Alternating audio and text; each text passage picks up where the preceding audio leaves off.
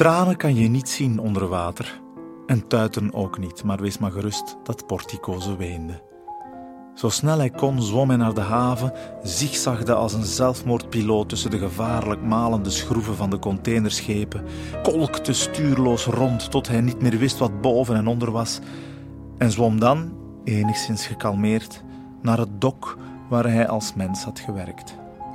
Heel even stak hij zijn hoofd boven water. Hé, hey, Mossad! Wat? Zit een grote paling? Amaya! Hij was alles kwijt. Zijn vrienden, zijn familie en de liefde van zijn leven vond hem nu een afzichtelijk monster.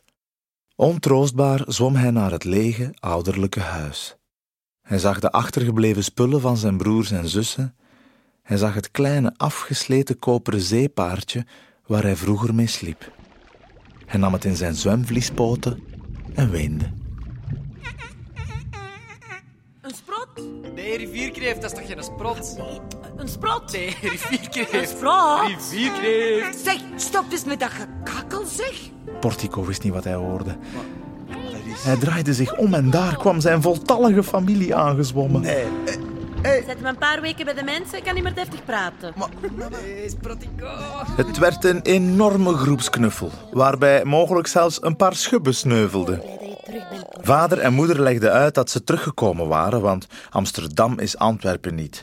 De rivierwezers zijn er zo luid en er zit iets vreemds in het water waarvan je hoofd af en toe een beetje raar gaat doen. En toen stelde de moeder die vraag die telkens hetzelfde effect heeft bij verliefde mensen. Is het niet meegevallen? Van zodra hij door zijn stokkende adem weer wat woorden gevormd kreeg, vertelde hij dat het allemaal zo goed ging en dat Bijou hem graag zag en dat ze zo mooi was en, en, en dat Mossad grappig waren en de zo leuk en dat alle mensen vriendelijk en het Conscienceplein zo mooi en dat... Ik in paniek met een keiduur kostuum de schelde ben ingedoken en het ergste was dat Bijou het uitschreeuwde van afgereizen als ze me in mijn ware gedaante zag. En één minuut daarvoor hield ze nog van mij. Alles is verloren. Ik pak mijn spullen en ik ga naar de Zwarte Zee. Is dat ver? Arm waterschaap. Kijk, jongen, er is nog één mogelijkheid. Maar dat is zover ik weet nog nooit gebeurd. Ah, dat lukt toch niet. Ja, mag ik het misschien eerst uitleggen? Ik ga dat niet verstaan. Hé, hey, verman u eens, zeg. Portico's moeder vertelde hem dat als een mens aan een rivierwezen eeuwige trouw belooft, dat die dan opnieuw mens kan worden en blijven. Hè? Eeuwige trouw? Trouwen? Portico werd er alleen maar depressiever van. Ja, bravo. Ik zit al helemaal voor me. Ik, Bijou, neem uw misdadige rivierpaling hier onder mij in het rioolputje als echtgenoot en beloof u eeuwige trouw. Portico zwom weg om alleen te zijn met zijn verdriet. Het was uitzichtloos. Uh, ik zal misschien voorstellen om te stoppen met het verhaal. Uh, aan iets plezierigs proberen denken, want... Uh, ah, maar wacht eens. Daar, daar zwemt Abby, met een guitige glimlach en lichtjes in haar ogen. Ze zwemt naar Portico, die een beetje doelloos rondjes draait in de buurt van Calo. Hé, hey, vrouwenzot. Laat me gerust, dikop. Ik ben niet in de stemming om gepest te worden. Och, flauwerik. Ik kom u niet pesten. We hebben er onder ons eens over gebrainstormd en we hebben een idee.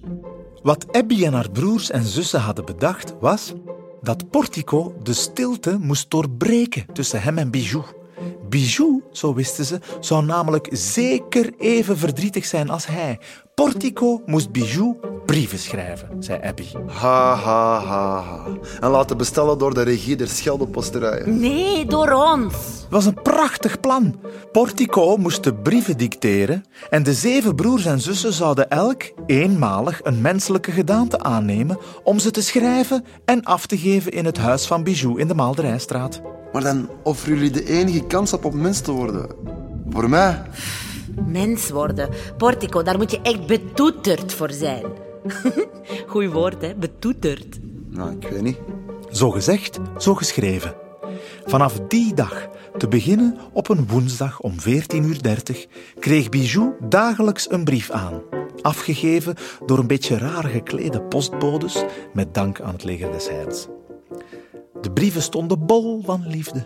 Eerst met een verontschuldiging en een uitleg. Dat had nog niet al te veel effect. Creep. Maar brief na brief knaagden de woorden een beetje meer aan haar weerstand. Een gedichtje hier, een grapje daar, een goed geplaatst compliment. Het was een beetje zoals de sneeuw en het ijs die plaats maakten voor de eerste zon van een nakende lente. En ja hoor, na heel wat geschrijf kon er zelfs een gniffeltje af bij Bijou. Allee. Dan schakelde Portico over naar fase 2 van het plan. En hij schreef haar dat hij een cadeautje had gelegd op de rand van de waterput van Quinte Matsijs. Ah, een oester. Ah, een parel.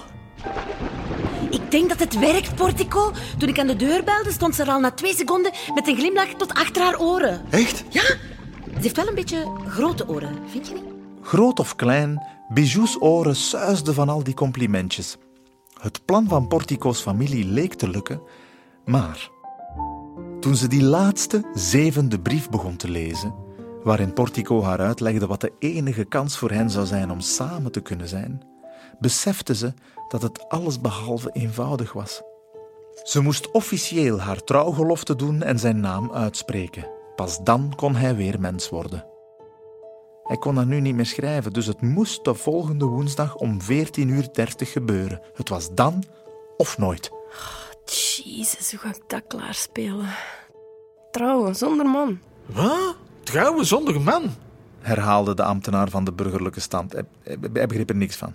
Een man met een vrouw, een man met een man, een vrouw met een vrouw, een man met zijn ex-vrouw. Alles is mogelijk nu, maar een vrouw alleen, ja, dat heb ik nog niet gehad. Bijou toonde Portico's liefdesbrieven. Kijk, kijk, lees dat. Hè? En, en, en hier, kijk eens hoe mooi dat hij dat zegt. Hola. Nee, dit niet lezen. Maar hier, kijk. Uiteindelijk was het niet Bijou's uitleg, maar de verliefde blik in haar ogen die de ambtenaar overstag liet gaan. En die hem uiteindelijk deed zeggen: Allee, het is goed, juffrouw. En zijn romantische inborst zal ook wel geholpen hebben. U mocht komen binnen twee weken. Hè. Ik zal u op het stadhuis uw trouwgelofte laten afleggen. Maar Yes.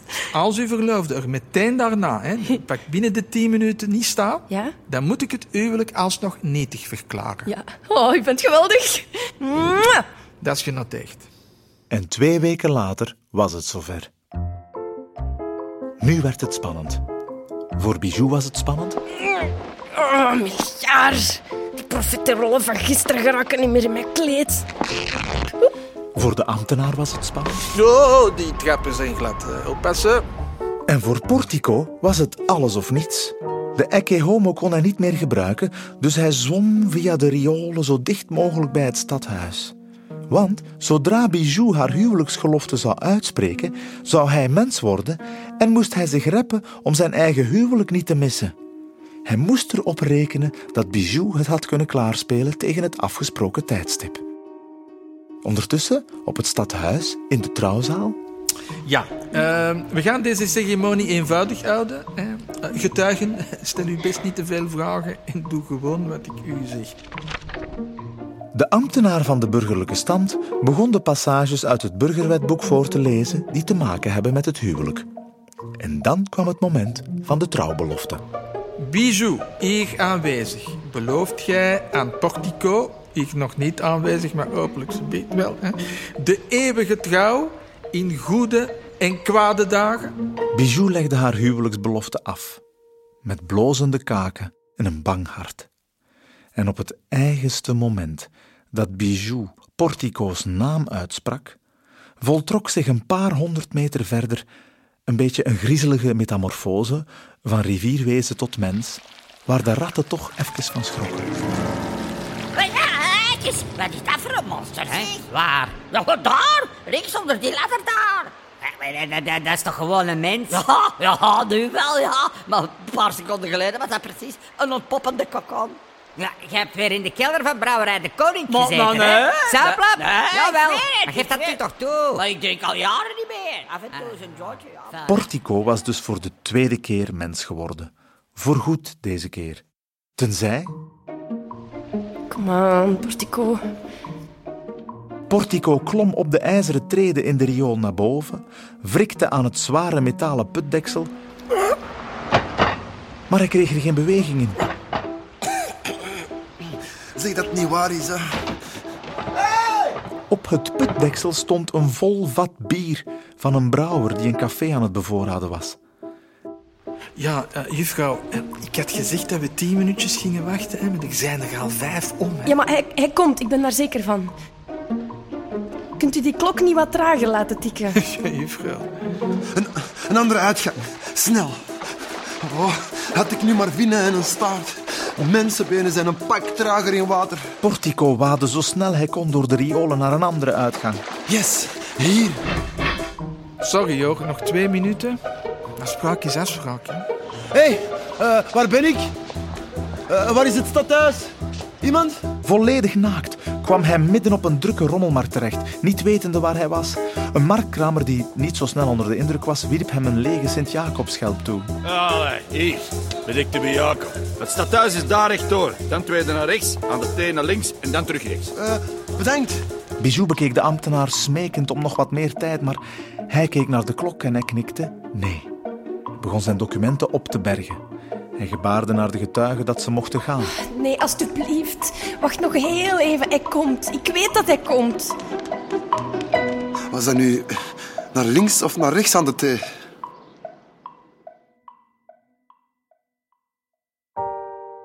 De ambtenaar legde een hand op de schouder van Bijou om haar te troosten.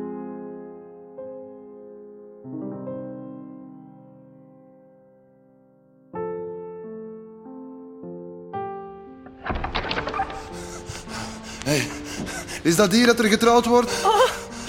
Portico. En zo trouwden Portico en Bijou in de prachtige, door Victor Laget georneerde trouwzaal. Ja, en de trouwkostuums, dat gaat tegenwoordig ook alle kanten op. Serieus, man, een schelp. Enfin, eh, allee, het is goed. Ik verklaar u man en vrouw. Het koppel keek elkaar diep in de ogen. Zo diep dat ze er hun lange, gelukkige toekomst in konden zien. Sorry voor mijn kledij. Sorry voor mijn twijfel. En toen het koppeltje samen aan de rand van de Schelde verscheen, hand in hand, klonk er luid gejuich van onder de oppervlakte. En de slingers zeewier vlogen hun rond de oren.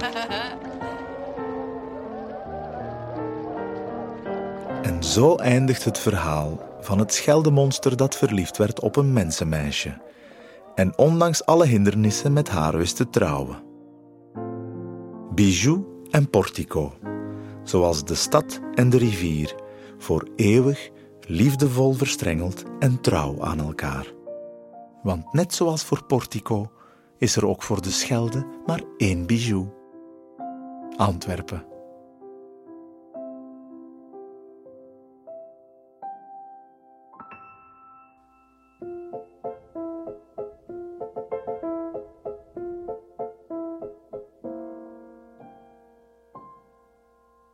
Zij spreidt schoonheid tentoon, dat word ik nooit gewoon.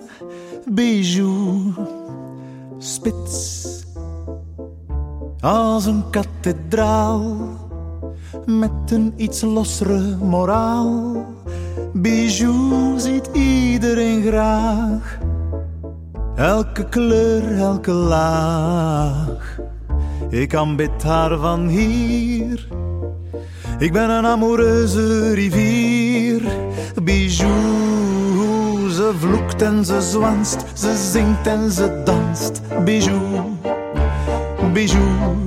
Flamboyant en modieus. Goed gezind, genereus. Bijou, bijou, bijou. Ze is het licht in de maan. Ze heeft veel stormen doorstaan. Bijou, bijou, bijou. Ze is van mij, het is mijn lief, maar niet exclusief. Oh, bijou.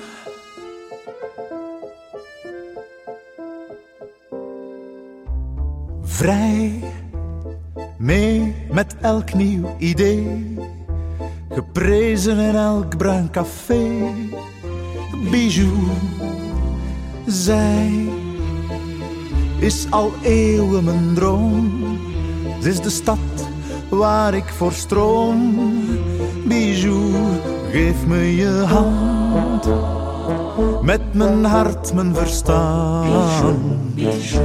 Zweer ik je trouw, want ik hou van jou. Bijou, ze vloekt en ze zwanst, ze zingt en ze danst. Bijou, bijou, flamboyant en modieus, goed gezind, genereus. Bijou, bijou, bijou. Ze is het licht in de maan, ze heeft veel stormen doorstaan. Bijou, bijou, bijou. Ze is van mij, het is mijn lief, maar niet exclusief. Als ze vloekt en ze zwanst, ze zingt en ze danst. Bijou, bijou. Flamboyant en modieus, goed gezind, genereus. Bijou, je t'aime, I love you. Ze is het licht in de maan, ze heeft veel stormen doorstaan. Bijou, bijou, bijou. Ze is van mij, het is mijn lief, maar niet exclusief. Oh, bijou.